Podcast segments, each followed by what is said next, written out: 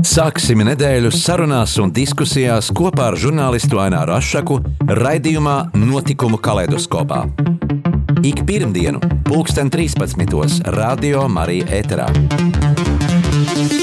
Tiksimies ar amatpersonām, interesantiem cilvēkiem, runāsim par aktuālitātēm un ikdienišķām lietām. Gaidīsim arī klausītāju jautājumus Radio Marija studijas viesiem. Ik pirmdienu, 2013. raidījumā Notikumu kaleidoskopā.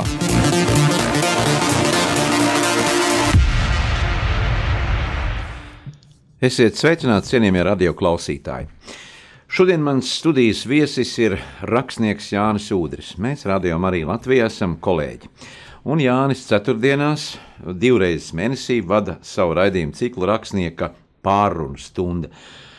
Arī viņa viesis ir interesants personības, piemēram, pagājušajā nedēļā kā mēs dzirdējām, raidījumā tas bija viceadmirālis Gaidis Zeibots. Nu, sveiks, Jānis, šodien studijā. Uh, labdien! Man mīļie klausītāji, lai slavēts Jēzus Kristus. Un man ir uh, liels prieks būt pie tevis, Ainār. Mēs arī esam sen kolēģi, sen draugi. Tikai tagad es sēžu ieraksta pultī otrā pusē. Arī šeit ir labs skats uz zeltaino rudeni. Tā es gaidu uh, tavs jautājums. Nu, Jāni, pat labi ir iznākusi tava devītā grāmata, vēsturiskais romāns Belkanto Ešafota ēnā par izcilo pirmskara Latvijas tenoru Jāni Vītiņu. Nu, un e, jautājums ir, kāpēc izvēlējies Jāni tieši savam romānam šo personību, Jāni Vītiņu? Tas ir, jā, tas ir pats atslēgas jautājums, kas būtībā izsaka arī manu nu, profesionālās rakstnieka darbības uh, būtību vai manu tādu, zini, es lietoju vārdu nolemtība, bet tad mana redaktore teica, zini, nu, tas tā, kā drusku izstāsta pēc nāves un tā fatāli, ja, un viņi saka, nu, nevis nolemtība, varbūt izredzētība vai misija. Uh, zini, tāpēc, ka Jānis Vītiņš nav zināms, nu, nebija zināms līdz manas grāmatas iznākšanai Latvijā, nu, Nu, varbūt pāris procentiem cilvēku, kas zināja, un pat cilvēki, kas ir uh, operas speciāli, nu, speciālisti zināja, bet, nu, kas mīl operu, kas iedz operu, nezināja šo vārdu. Ja prasa, kurš bija pirms kara Latvijas izcilākais tenors, tad no desmit cilvēkiem 9,5 atbildēs Maris Vētra, jeb um, patiesībā Morits Blumbergs, kā viņam bija vārds. Ja. Izcils, izcils tenors, bet mm, pašā, mm, pašā laikam, pašā tajā nu, visgrūtākajā operā, mm, Andrēs Šeņē, kur Latvijas opera iesdēja divreiz, 928. gadā un, un 937. gadā.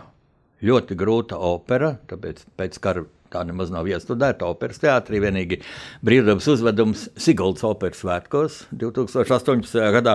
Un tur abas reizes eh, pirmajā sastāvā šo titulu lomu, šo franču revolūcijas dzinieku Andrei Šeņē dziedāja Jānis Vītiņš. Maris Vētra dziedāja otrajā sastāvā.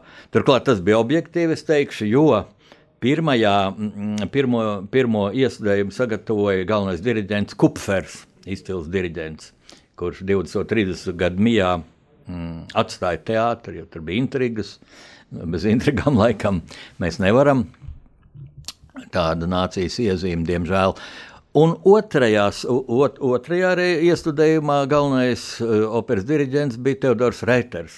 Un atkal izvēlējās Jānu Vītiņu. Bet man ir tāda sajūta, ka mēs bija tāda sajūta, ka mēs, mūsu nācija, visa, un pirmkārt jau vēsturnieki un visa radošā inteliģence un mūzikas eh, vēsturnieki, bijām lieli parādnieki Jānim Vītiņam par diviem iemeslu dēļ.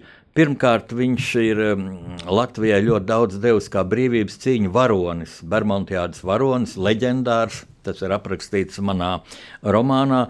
Eh, Vītiņš nevēl dabūja Latvijas plēša ordeni, un valsts viņam piešķīra zemi pie Jālgavas jaunsaimniecību. Un, kā saka, saimnieko dzīvo un priecājies. Bet Dievs bija devis izcilu balsi. Mm, viņš tūdaļ pēc demobilizēšanās iestājās konservatorijā, reizē ar Mar Marijas Vētru, uh, un jau studējot dziedāja operas korī. Tad notika tāds apbrīnojams gadījums. Rudolfs Bērziņš, kurš dziedāja Radamesu Aidā. Viņš saslima, elementāra gripa saslima un, un nevar galīgi padziedāt, balss ciet un izrāda norausies. Un ko tagad darīt? Un viens diriģentam, Kupferam, saka, klausies, tur ir viens ļoti spējīgs korists, ja? Tāds Jānis Vītiņš ņem viņu, nu, bet viņš saka, nezinās partitūru. Nē, viņam ir gaiša galva, viņš visu zinās partitūru itāļu valodā, un tā sākās faktiski Vītiņa karjera, viņš ļoti ātri no korista kļuva solists. Bet kāpēc eh, Vītiņu Latvijā nezināja? Viņš bija arī liels patriots. Viņš ļoti pārdzīvoja Latvijas okupāciju bez viena šāviena 40. gadā. Un viņš iesaistījās tādā mm, jauniešu universitātes studentu mm, izveidotā mm, pretpadomju organizācijā Tēvijas sargi, kur gatavojās pat bruņotai cīņai. Bet nu, viņi bija jauni studenti, viņi neko ne, ne, nesaprata no militārām lietām. Bet viņiem bija izveidojušies kontakti ar vienu vācu izlūkdienesta apvērs pārstāvu Rīgā, bijušo Baltvācieti, slepeni. Viņi paši saprata, ka viņi nav līdzvērtīgi sarunas biedri, jo viņi gribēja dabūt ieročus no vāciešiem. Un Vītiņš arī ļoti bija kā militārs speciālists. Viņam bija militārā izglītība. Pirmā viņš beidza praporšķiku skolu vēl cār Krievijā. E, viņš ļoti labi saprata, ka būs karš ar Vāciju, Padomju Savienībai. Un ka šajā karā viņš tā rēķināja, ka nu, vācieši ļoti straujas panākums būs. Jo Krievija armija kaut milzīgi liela, kaut piecreiz vairāk tanku, kā mēs tagad zinām, kā vāciešiem, bet ļoti dezorganizēta, bez vadības, bez iniciatīvas, bez modernās kara mākslas. Un Vītiņš izskaidroja, ka te ir šanse Latvijai iegūt brīvību. Un tad Vītiņš tikās ar šo apvēra rezidentu Latvijā. Izrādījās, ka viņi ir E, Bermudas laikā sadūrušies kaujas laukā kā pretinieki. Tur tā interesanti. Galvenais jau ir cilvēku psiholoģija, ko es romānā rādu. Nu, bet e, organizācija tika atmaskota, Vītiņu arestēja, spīdzināja. Un 41. E, gada jū, jūnija beigās, kad vācieši tuvojās Rīgai, viņi aizveda uz Astrahaņu kopā ar, ar vēl desmitiem citiem latviešu virsniekiem, ieslodzīja Astrahaņas cietumā, un tur viņam piesprieda nāves sodu, un 41. gada novembrī nošāva. Nu, līdz ar to nu, Čeka ja, visus šos dokumentus iznīcināja, vai arī, ja kaut ko atstāja, tad tur rakstīts, ka Vītiņš bija. E, vācu spēks, apvērs spēks. Ja. Redzot, čeka to, nu, ko viņiem vajadzēja pierādīt, viņš nebija vācu spēks, viņš mm. meklēja sabiedrotos, ja tā kā nacionālajie partizāni, ja, kā daudzās Latvijas vietās, kad, bija, kad, kad Vācija iebruka Padomu Savienībā, kad bija šis.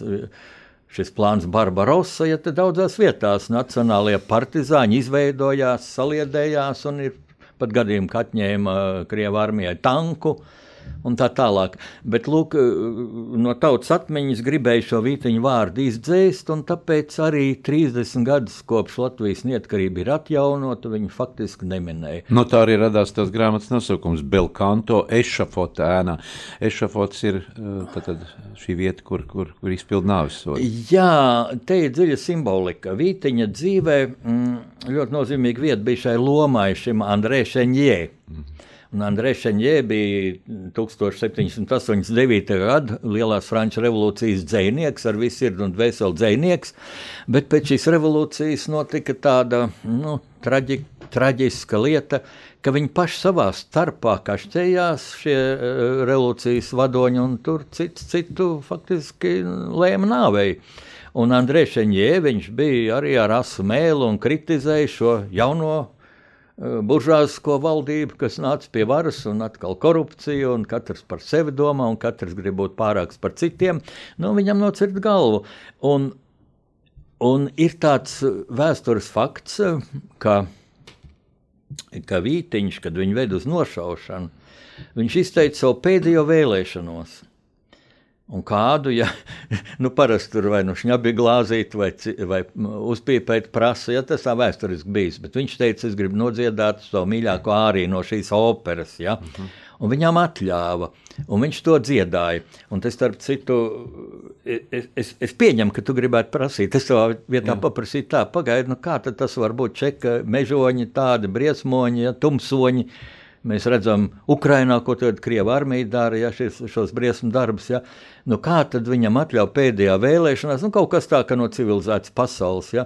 Bet, es, bet tas ir vēsturisks fakts, ka viņš nodziedāja šo operu, jo to Tam ir pierādījumi. Ja? E, tam ir, jā, tas ir no atmiņām no viena cilvēka, kurš bija kameras biedrs un kurš, kurš izdzīvoja, jauns puj, puisēns, kas izdzīvoja. Jāni, kā tu tik pie šiem faktiem par, par Jānu Vītiņu, e, kā jau minēja, 19. gadā operas uh, svētkos pirmo reizi izskanēja šis Jāņa Vītiņa vārds, bet pēc tam, kā tu atradi šos jā. faktus, tad arhīvā tomēr kaut kas bija, vai tas bija no radinieku atstāts? 18. gadā tas bija, kad brīvā dabā iestudēja, tā bija Daņa Kalna iniciatīva ir. Un Dainis Kalns to Latvijā zina. Tas ir uh, ārsts, jā, ne mūziķis, bet uh, viņš jā, tā patriots un tāda iniciatīva. Viņš mīl operu un rīko šos operas svētkus.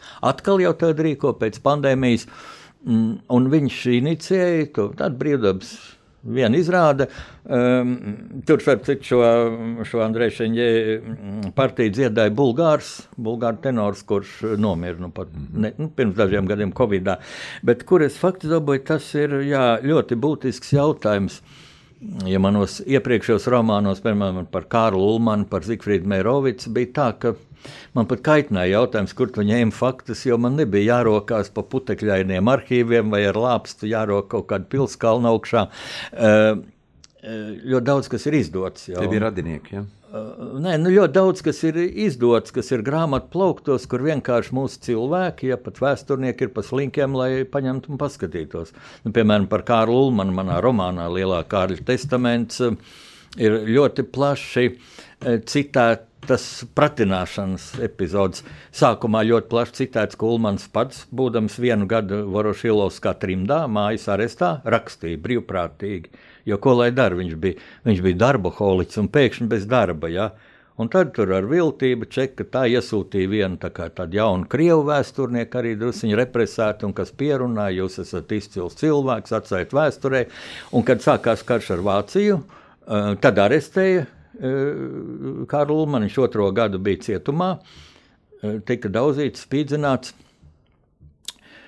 Un viņam tad no šiem viņa jau tādiem memoāriem, jā, tur citēja un sējās klāt, un ko jūs lūk būtu darījis, ja Vācija 40. gadā būtu savu palīdzību piedāvājusi, kad padomju armija nāca iekšā un tā tālāk. Ja. Lūk, to vienkārši, ja kāds prasīja, nu, nu man bija gandrīz tāds piktums nāca virsū, nu, paņem grāmatu plauktā un atrodi 93. gadā Latvijas Zinātņu akadēmijas vēstures institūts ir izdevusi grāmatu uh, Kārls. Uh, Ulmanas trimdā un cietumā. Ja? Un tur ir šie pratināšana mm. protokoli, ko Latvija dabūja 90. gadu sākumā. Mm. Ļoti jocīgi izklausās. Bet, kad Jeļcins nāca pie varas, kad krita komunistu režīms, kad Krievija nolaida Kremlī šo sarkano karogu. Mums vienlaik bija uh, tādas ļoti cilvēcīgas attiecības, un uh, Federālo drošības dienestu, ja, kur pārziņā nonāca šie nu, KGB arhīvi vadīja, es nepateikšu tādu vārdu, bet kaut kāds demokrātisku aprindu jurists. Un viņš deva visu, jums vajag, lūdzu, ņemiet, kraujiet kastēs, vediet vienkārši. Ne? Tur bija kaut kāda mistiska lidmašīna, ko, ko mums valdība neaizsūtīja pakaļ, lai, lai to arhīvu dabūtu. Nu, lūk, bet tagad, tagad par vītiņu ir tiešām ļoti maz kas. Un man te jāsaka liels paldies. Viņam bija radinieci, jā. Jā, Viņam ir, viņam ir tuvākā radiniece, tagad ir mazmeita Baiva Grunde. No kurienes? Viņa dzīvo jūrmalā. Viņa dzīvo jūrmalā. Viņa ir interesantā veidā arī bijusi saistīta ar, ar, ar literatūru. Viņa ir inteliģenta sieviete. Viņa bija saistīta ar literatūru tādējādi, ka viņa dubult jaunradas namā, rakstnieks vienības jaunradas namā, padomu laikos ir bijusi grāmatvede un tad arī administrators šajā rakstnieku jaunradas namā. Ir redzējis rakstnieks dažādos skatos un neskatos. Ja. Un tā, un viņa tā saprot rakstnieka misiju, viņa bija ļoti priecīga, ka es rakstu. Tas ļoti... nozīmē, ka viņas mamma, tad, tad meita Jānim Jā. Vītiņam bija palikusi Latvijā pēc izsūtīšanas. Uh, nu, bija savādāk. Uh, viņa, jā, viņa palika Jānu Vītiņu, tātad arestēja un aizveda uz šo Astrahaņu, bet sievu, Ernu. Brīnišķīgi skaista sieviete, viņu abu jaunības fotografija ir uz manas grāmatas vāka. Un es tā pieņemu, ka vismaz vīrieši nu, pirmais reiz skatīsies to sievieti, skaistas, skaistas acis. Nu, to ir jāredz.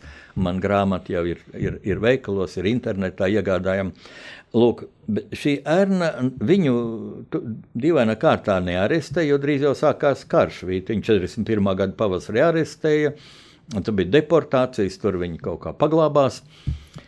Es pieņemu, ka viņu novēroja Eh, NKVD, kā to, to laiku sauc eh, Čeku.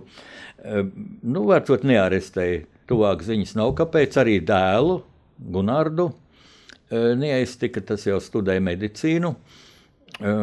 Un pēc, pēc kara viņa atbalstīja nacionālos partizānus.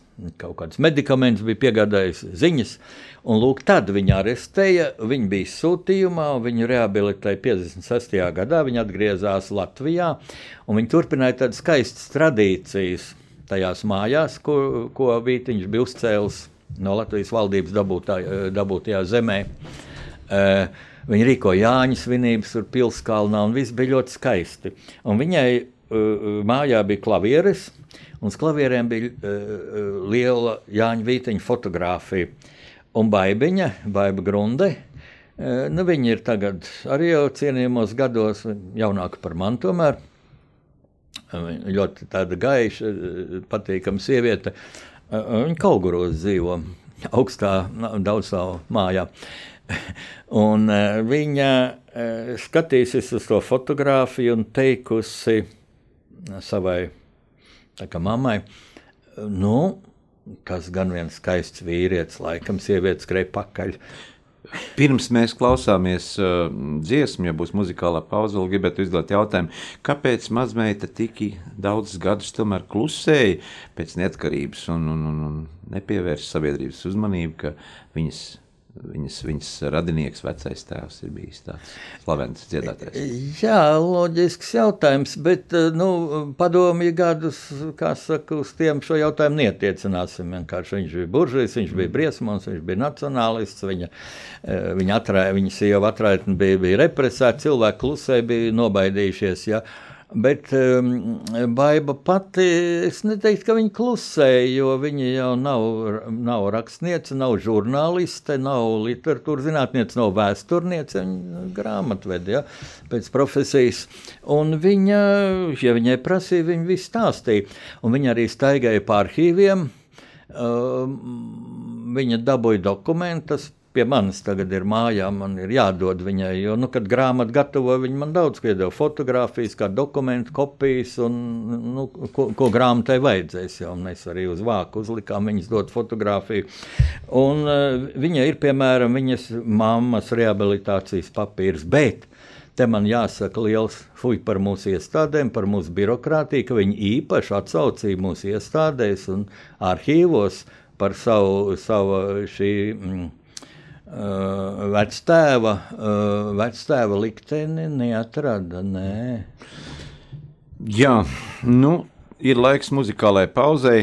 Diemžēl Jāņa Vītiņa ieraksti, ieskaņotie, vai, vai, vai tādi bija vai nebija tajā laikā? Ir, ir Belakorda kāds skaņplats, bet maz. Maz. kaut kā maz tam pievērš uzmanību, Maris Vēta daudz vairāk, un tie arī ir, nu, tehnika jau cita, bet no operas katrā ziņā nav. nav. Saglabājies. Bet es gribētu dzirdēt eh, tenoru. Uh, Nu, man jau atmiņā, mums ir arī tagad brīnišķīgi tenori, ja pat vārdus nesaukšu, jo, lai neapvainojas tur veselu plējādi, bet man ir prātā nu, klausīsimies, Zābers. Klausīsimies Jāņa Zābera uh, izpildījumā dziesmu brīnos es, un piebildīšu, ka arī Jānis Zābers, tāpat kā Jānis Vītiņš, ir izglītojušies ārpus uh, Latvijas. Itālijā. Itālijā.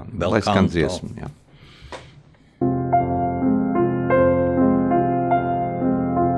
Brīnos es the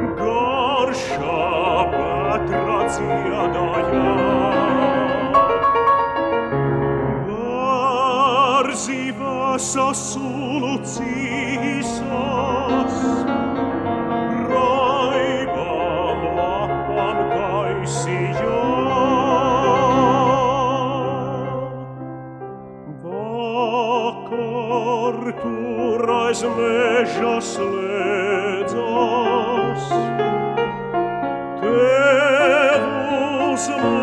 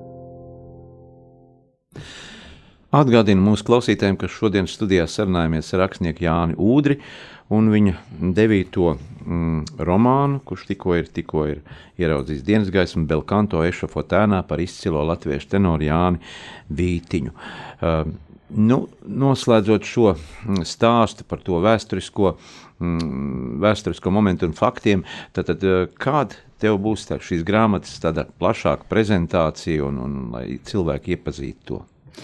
Jā, e, grāmatas atvēršanas svētki būs e, adventa laikā. Un tagad cilvēki var jautāt, kāpēc ir vairāk kā mēnesis jāgaida. Ja? E, Nu, es domāju, tas nav tas izšķirošais. Šis ir veļu laiks, kad mēs runājam. Ja? Un man ir tāda nu, padarīta darba sajūta pašlaik, kad ir noņemts tas lielais parāds. Ja, kas, es domāju, visai nācijai, bet es jau pirmie teicu, pirmkārt, domāju, vēsturniekiem. Un, saka, nu, viņi turpināja it kā čekas tādu uzstādījumu. Nav tāds vispār bijis. Ja. Operā gan ir, ir eh, viens krēsls, kur uzrakstīts vītiņa piemiņai, ja, plāksnīt pielikt, bet nu, tas tā izdarīts un sveiki. Uh, tā, lai būtu grāmata plauktos, lai bērni varētu skatīties, ko tu man teici, un māma lasa. Ja, ja pietiekami daudz dumjas grāmatas vai bērniem tiek drukāts, par to nerunāsim. Jā.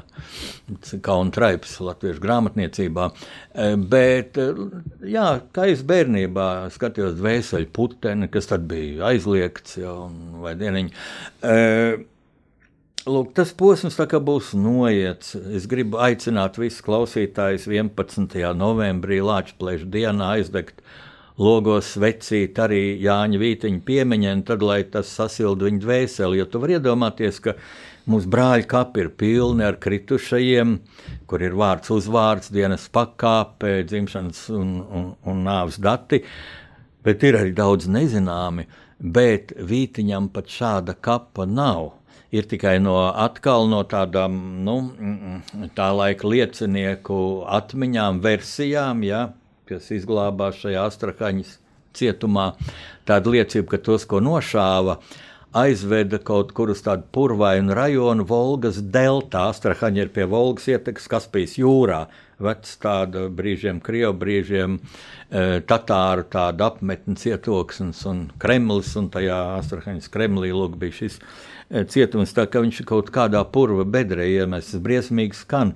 Bet nu, mēs, kristieši, jau zinām, kad Kaps tā ir tā vieta, kur cilvēka miesa dadusās, pārto par zemi, bet tā, tā būtība jau ir dvēsele, kas jau ir debesīs. Un, un es esmu pārliecināts, dziļi ticu, ka šīs svecīšu liesmiņas, ka viņas silda šīs dvēseles. Ja? Man tas teiciens ir prātā, zini, kādreiz vēl mm, padomju varas laikā es braucu uz Ložmetēju kalnu, kur pulcējās vecie Pirmā pasaules kara veterāni, strēlnieku piemiņu godinot, un tad viens vīrs, Jānis Luste, tāds viņam vēl karā bija sakropļot roku, un viņš rauj to sērkoks, aiznāca veci, un, un nevar aizdedzināt, nu, ar, praktiski ar vienu roku, un es viņam palīdzu aizdedzināt, viņš saka, paldies, dēliņ, paldies, lai sildās karavīru dvēselītes. Tā kā tas ir tā, tāds posms, zinām, sērām un tā, bet no otras puses, ja grāmatas iznākšana tie ir svētki, tas ir tā kā, Um, tētim, mammai piedzima bērniņš. Ja? Ir, ta, tas ir parāds par pagātni. Jā, un tad es domāju, atmodas laiks. Kad tumsa, pašreizajā pasaulē tā jūtu, gaisma cīnās pret tumsu, un tums ir uzbrukusi gaismai. Nu, bet gaisma ir stipra. Ja? Tas ir Ukrajinā, tas ir, tas ir Izrēlā, mm, Gazā. Uh, Jā, pāriesim nu, ar sarunu par šo. Jā, uh, advents, ad, advents nāks ar gaismu, un tad mm. arī būs šī, uh, šī grāmatas prezentācija. Es to gribu arī sākt ar vīteņu piemiņu, bet tas būs tāds literārs muzikāls uzvedums, kur atkal man ir apsolījis piedalīties mūsu izcilā pianista Inga un Grīnberga.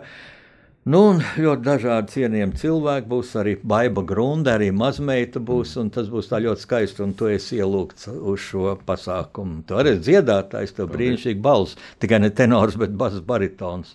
Bet nevienu tenoru gan es tur negribu aicināt no šodienas tenoriem, jo Vītiņš ir, es negribu teikt, ka viņš ir tāds, ka neviens nevarētu būt līdzvērtīgs vai pārāks, bet Vītiņš bija Vītiņš, un grāmata ir ne tikai tādēļ, ka viņš bija izcils tenors, bet tādēļ, ka viņš bija brīvības cīņu varonis. Varbūt tas pat primārais bija. Dievs gribēja, lai viņš izdzīvo, jo viņš ārkārtīgi riskēja kara laikā. Ko tik viņš nedarīja, ja viņš varēja desmit reizes būt beigts? Jā, nu, līdzīga situācija pasaulē šobrīd arī ir, ir kas notiek Ukrajinā, kas notiek Gazas sektorā. Tur tāpat ir radošas personības, ir režisori, aktieri, dziedātāji, mūziķi.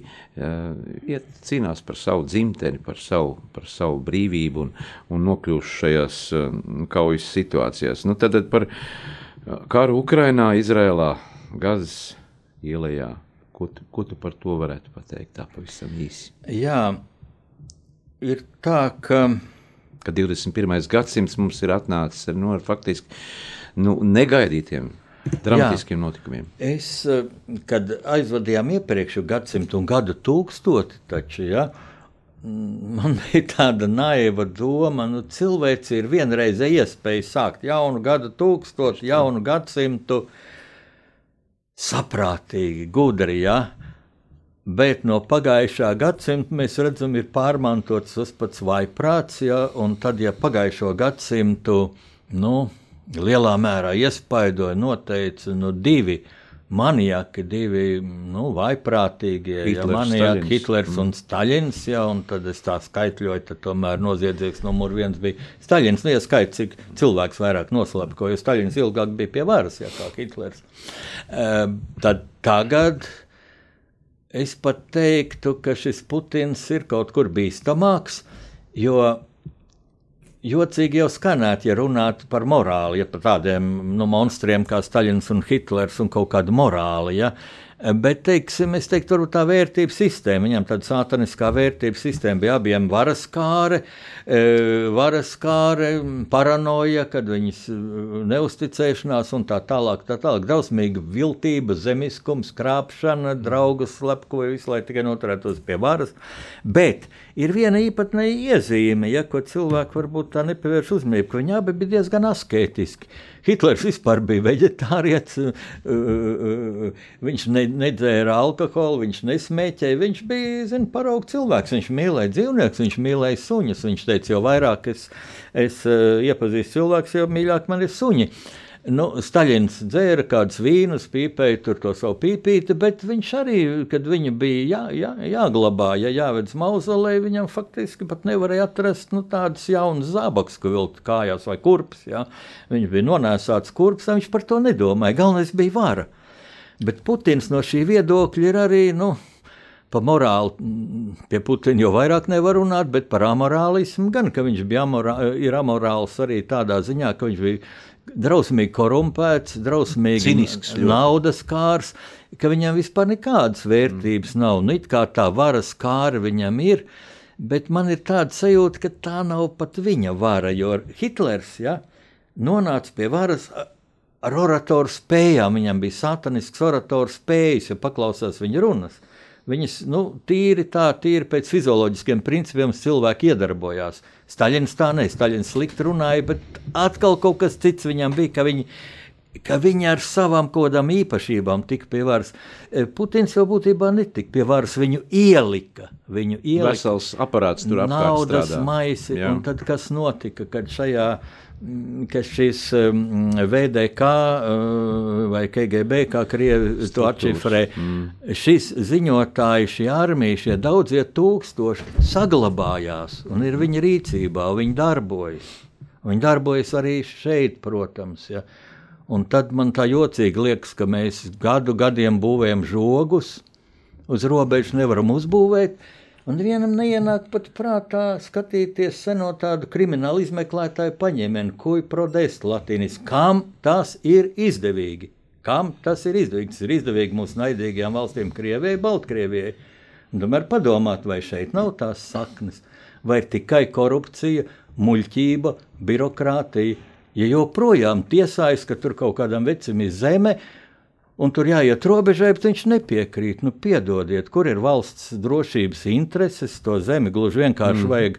eh, Nu, es teiktu, konfiscēt, sam, sama, jā, samaksāt viņam eh, normālu cenu samaksāt, jā. un sveiki. Jā.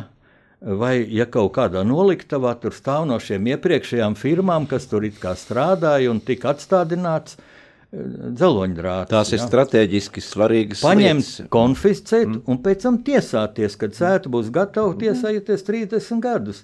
Kā to var nesaprast? Bet, Jāni, vai tā sēta šobrīd ir saprast. tikai uh, nu, šī problēma viena? viena Nē, sēta, jo šajā ko pusē tikpat daudz ir tik pretinieku un atbalstītāju. Nē, nē, nē nu, tā nav vienīgā problēma. Bet tā kādreiz, un ko tāda sēta vai nebrauks ar tanku un viss. Bet nu, tā ir vesela infrastruktūra. infrastruktūra. Piemēram, tā ir mm, nu, klajš, klaja josla, pietiekami plata, lai ļoti labi ar televīzijas kamerām var novērot. Tur ir ceļš, pa kuru tur nav asfalts, jā, bet tur ir ceļš ar ap, apvedus, apvidus mašīnu, kādu kvadrātciklu var tūlīt piebraukt. Es domāju, tur būs arī helikopteru laukumu, kur var nosēsties un tūlīt izmest vai ne spēcvienību. Uh, nu, un, un, un gal galā, kas te ko diskutēt? Man, es kādreiz, uh, kad man iznāca uh, romāns uh, Bruņinieks Roberts, ja Leitnants Rubens Bruņinieks Roberts, un man intervēja avīze, un, un es tur skaidroju, ka 49, 40. gadā vajadzēja cīnīties, vajadzēja aizstāvēt Latviju, un, un Un viņi bija uzlikuši tādu zin, rāmītī, tādu izcēluši nu, to esenci un pareizi darīja. Es, es uzskatu, ka diskutēt, vai Latviju vajag aizstāvēt, ir amorāli. Ja? Jā, uz to es tagad arī pastāvu. Nu, kāda tur jēga ar kaut kādu ronku vai ne strīdēties? Krieviem bija tanku un lidmašīnas, mums nebija nekas. Mums bija patriots, karmi, mums bija pienākuma apziņa, mums bija karavīrs vēras un tā tālāk. Mēs stundu varam kaķim zem mastas laika iztērēt. Tas nav tā vērts. Bet Facebookā taču sacēlās kaut kāda histērija pret mani, kad ko Udrs te aicina Šleseru aizstāvēt, Lemberga aizstāvēt. Es klausījos, domāju, vai viņi lasīja, vai viņi ir prātā sajukuši. Man Latvija ir brāļu kapi, ventas, rumba, brīvības piemineklis, viņiem Šlesers un Lembergs. Es, mm. Kas ir Šlesers, kas ir Lembergs? Sorry, es nezinu, kas tie ir. Es kaut kur kaut kādu bagātu veču, kas tur tiesājās kaut ko, nu, lai viņi tiesājās. Ja? Kāda man gar to daļa? Kāda latviešu nācijai gar to daļa? Gar to ir juristiem daļa. Ja viņi ir vainīgi, lai sēž cietumā, ja nav vainīgi, lai, lai, lai beidz, beidz, beidz skandināt. Lūk, un es gribu teikt par valsts drošību tā. Mums ir jādomā par drošību Man nu pat bija raidījums ar admirāli, admirāli Gaidi Zeiboti. Ja? Un viņš ar tā saka, jā, nu karš pienāca pie mūsu vārtiem. Nu, jā, karo Krievija, un mums ir gara robeža ar Krieviju. Nu, Baltkrievija, turpat Krievijas sabiedrota arī robeža, ja? kur tā sēta nevar un nevar uzbūvēt, būšot nu, nākamā gada beigās, varbūt jau pēc mēneša. Tieši tā. Būs par vēlu. Tieši tā. Kas to zina? Jo blakus valstī prezidents ir mērkaķis ar granātu rokā.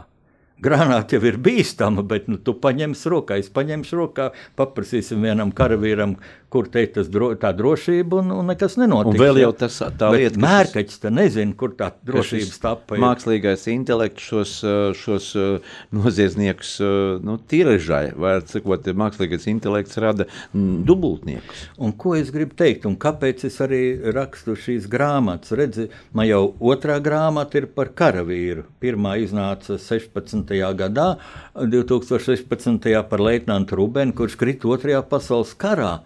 Vienīgā latviešu militārā vienība, Lietuvāņu Rubeņa bataljons, kas izgāja kaujā zem sarkanbalta karoga mhm. -huh. starp Vācu armiju un Krievu armiju. Viņš bija gatavojies cīnīties pret sarkaniem okupantiem.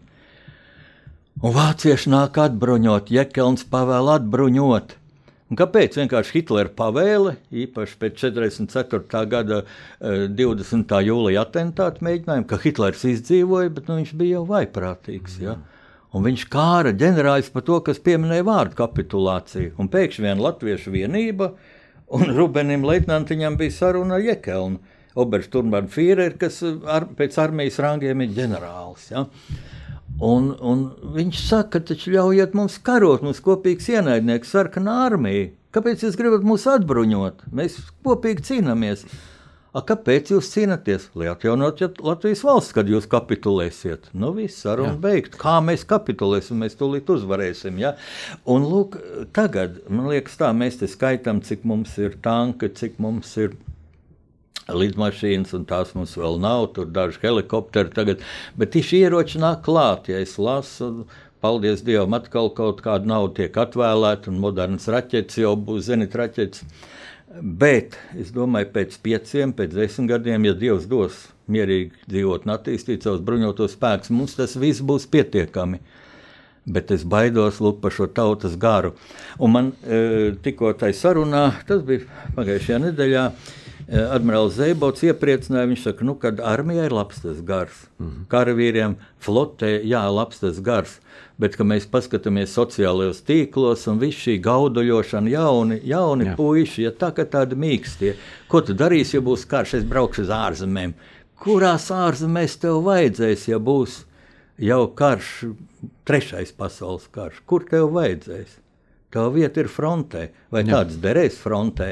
Lūk, par to ir runa. Un tāpēc šis romāns, un es teiktu, ka tas romāns ir par šodienu. Ja? Mm par šodienu. Laiks ir atkal muzikālai pauzītei, un lai skan uh, Jāņa Vītiņa, uh, laika biedra, um, uh, melanholiskais valsts, Emīls Dārziņš. Jā, Dārziņš ir minēts manā, manā romānā, jo uh, Emīls Dārziņa dēls, Wolfgangs Dārziņš, Volis, kā viņu sauc. Viņš bija mūzikas kritiķis un ir epizode, kur viņi sarunājas. Klausamies skaņdarbu.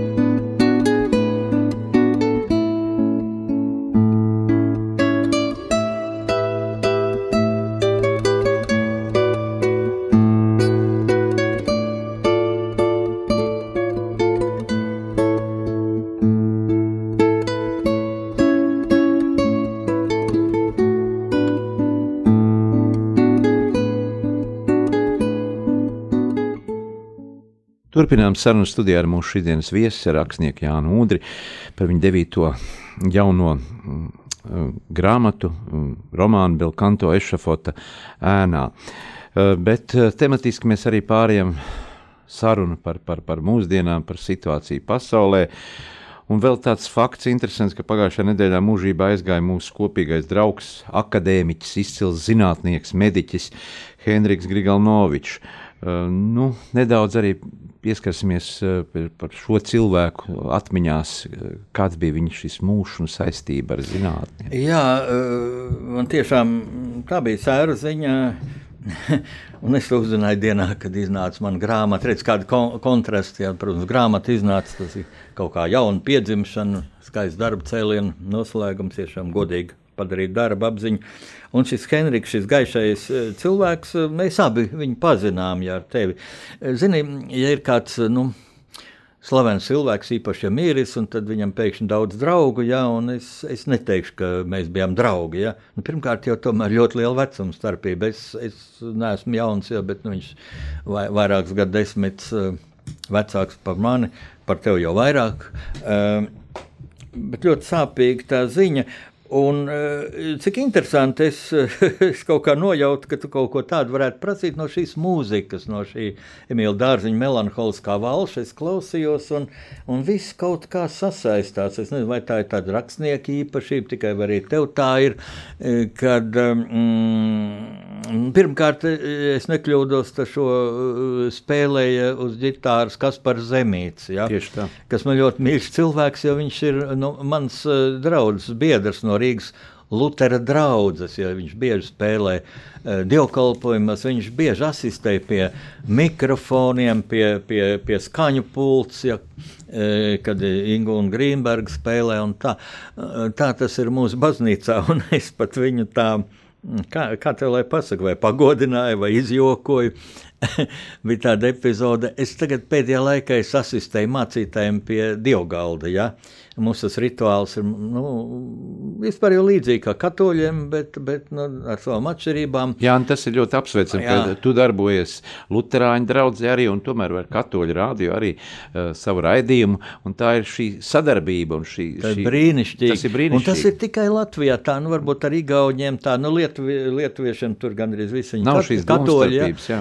jā, bet taču īrijā un kur karo un sētas ceļ un tā. Bet pie mums, pie Dievgaldi tā, ka man ir tā funkcija, ka es nesu tādu paplāti ar, ar, ar, ar, ar, ar vīna mazām glāzītēm. Nu, tas nu vairs nav vīns, mācītājs ir iesvētījis par Kristus asinīm, tas rituāls, ka es saku, tas ir Kristus asinis, par tevi lietas. Ja? Bet es skatos, tur ir kas par zemīti. Es nenoturējos. Domāju, tas nav liels grēks, varbūt tieši otrādi.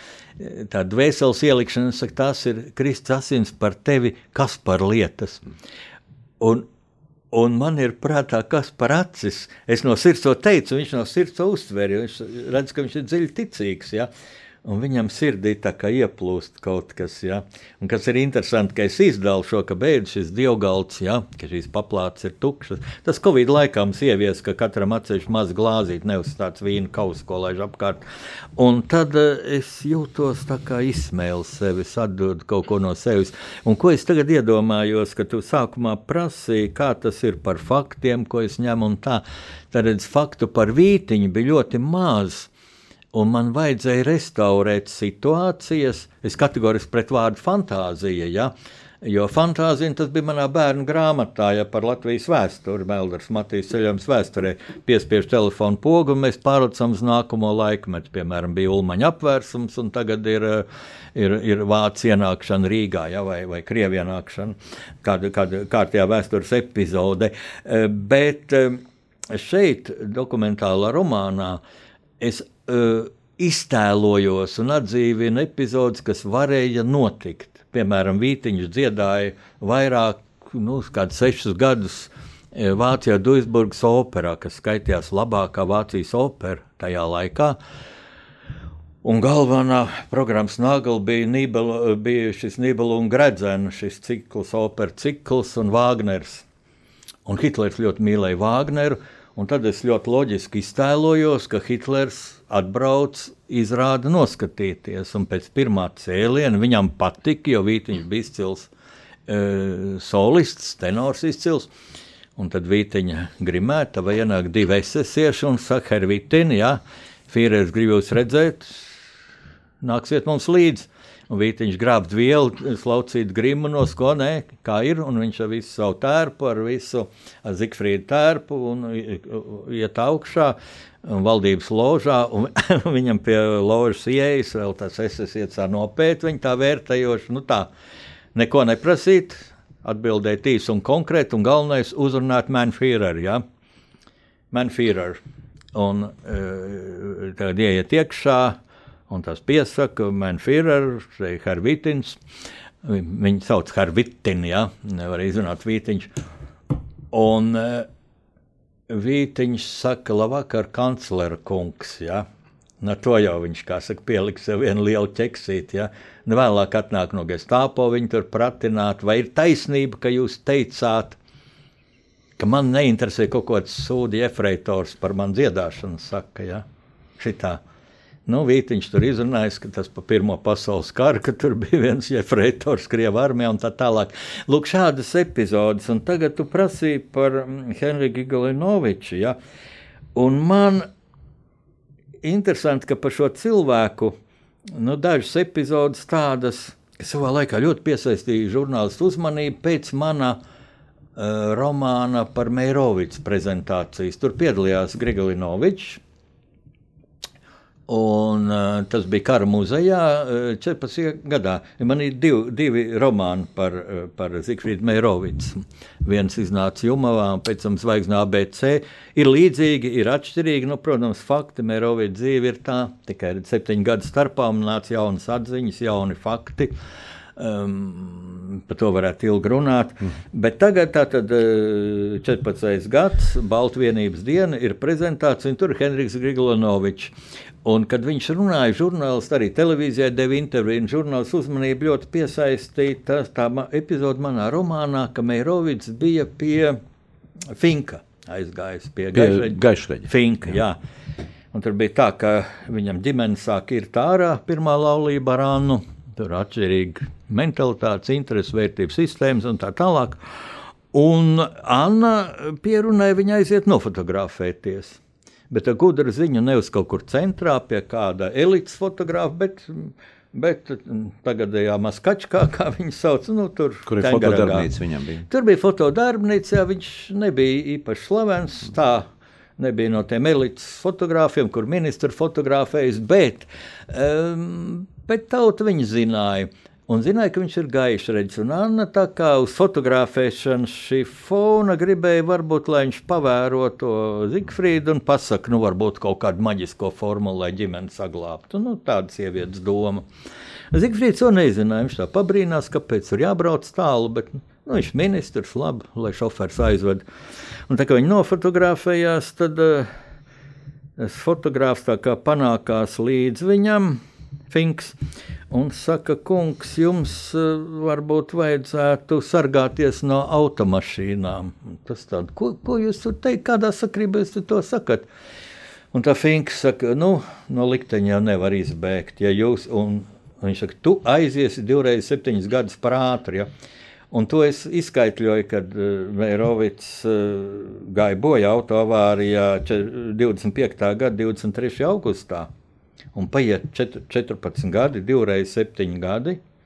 Un tajā pašā dienā tiek mol, parakstīts Molotovs-Ribbentrop pakts, ja, kas, kas bija nāves spriedums Latvijai. Un tā tālāk sāku rēķināt atkal septiņi. Jā, un atgriežoties atkal septiņi gadi. Tā kā vēsture redz, nav pārauta, viņi turpinās. Ar citu, kad bija desmit reizes septiņi gadi, tika nodibināta tautas fronte. Uh, Un, kad bija 12 reizes 7 mm -hmm. gadi, mēs tikām uzaicināti NATO. Un jaunais mediķis Hendriks Griganovičs toreiz 58. gadā, kā patologa anatoms, bija šajā laboratorijā, kur ieveda nelaiķi, un tas bija Ežens Finks. Un pēc tam savā intervijā viņš bija stāstījis, ka tur tās smadzenes bijušas ar īpašām krokām un kaut kas neparasts un savāds ir bijis. Tādas ir atmiņas arī, ko jā. uh, Tajā reizē viņš stāstīja arī televīzijā, mm. jā. Un es no medicīnas neko nesaprotu, bet cik es tā saprotu, kad jo krokaināks smadzenes, jā, tad, jo viņas ir nu, gudrākas, jo tā ir rievās, bet lielāka virsma, jā, jā. kā tur kroka, jā. Es atceros, kad eh, es vienā krievu dokumentālā filmā skatījos, ka bija pētīts Leņķins smadzenes, viņas bija pilnīgi sausas un ka zīmolu paklapēta grabēja. Ja?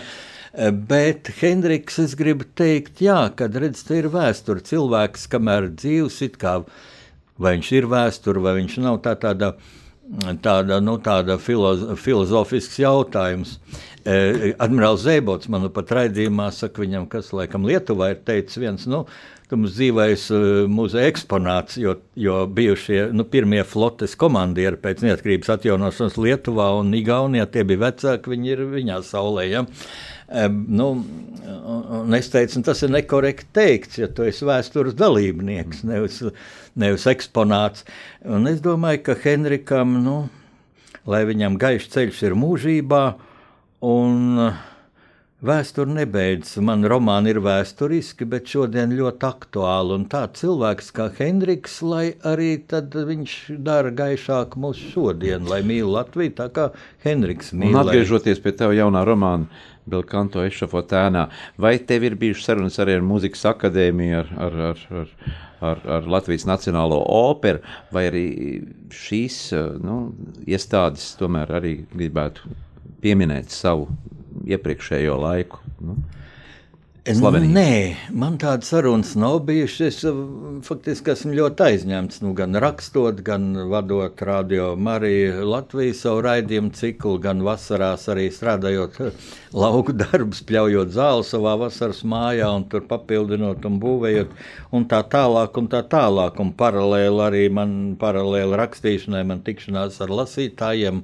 Un tagad es gatavoju jau 18. novembra priekšvakarā man tikšanās Jūrmālas bibliotekā un es vēl gatavoju kādu uzdevumu, e, e, uzvedumu. Un redzi, ja tikko būs kāda interese, tā būs mm -hmm. atsaucība no manas puses. Pagaidām es interesi neesmu jutis. Pirms jā. Latvijas valsts svētkiem ir vēl raidījuma noslēgumā gribētu dzirdēt, kādas ir tavas nākamās ieceres, e, jo tu līdz šim esi veidojis šos um, savus vēsturiskos romānus par šiem, šīm slavenajām personām.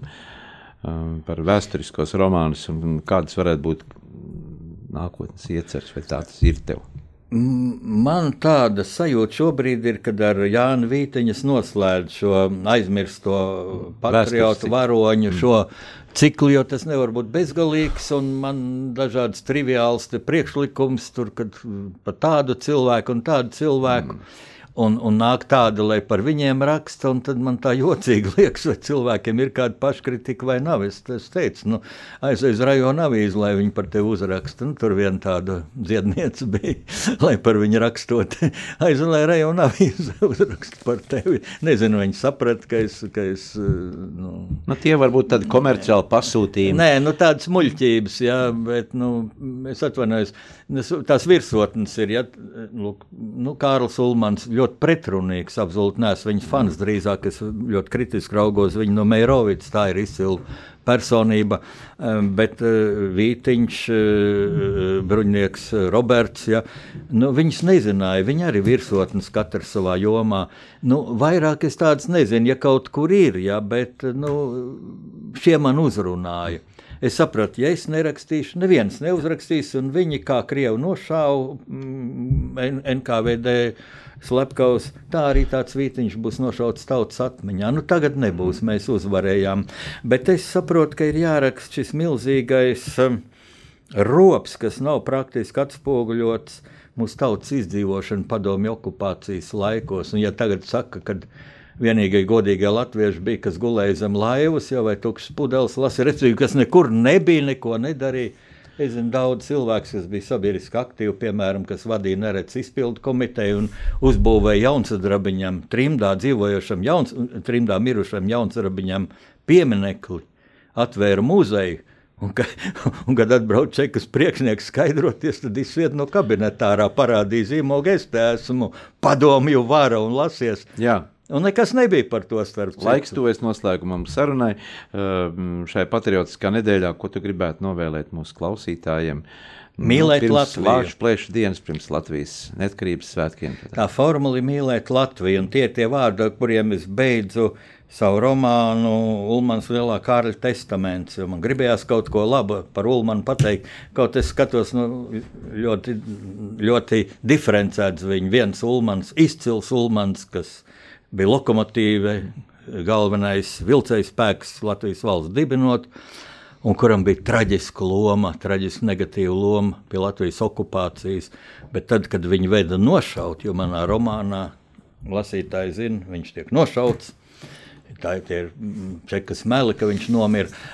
Lūk, tad viņš uz cietuma sienas ar savām asinīm uzraksta mīliet Latviju. Mm -hmm. To es novēlu. Jā, lai visiem arī priecīgi valsts svētki, lai šī nedēļa būtu uz patriotiska viļņa. Un atgādinu mūsu klausītājiem, ka šodien mēs studijā sarunājamies ar rakstnieku Jāni Udri, deviņu vēsturisku grāmatu autoru, un kuru jaunais romāns Belkanto Ešafotēnā šajās dienās nonāca pie lasītājiem. Tad romāns par operdziedātāju Jāni Vītiņu. Lai grāmatai tāls ceļš kopā ar mūsu lasītājiem. Paldies, Jāni! Paldies!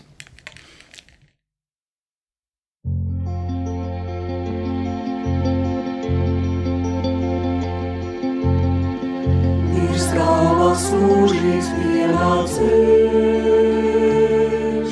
un mūžīgs ceļš un kājām. Tas vēl laimīgo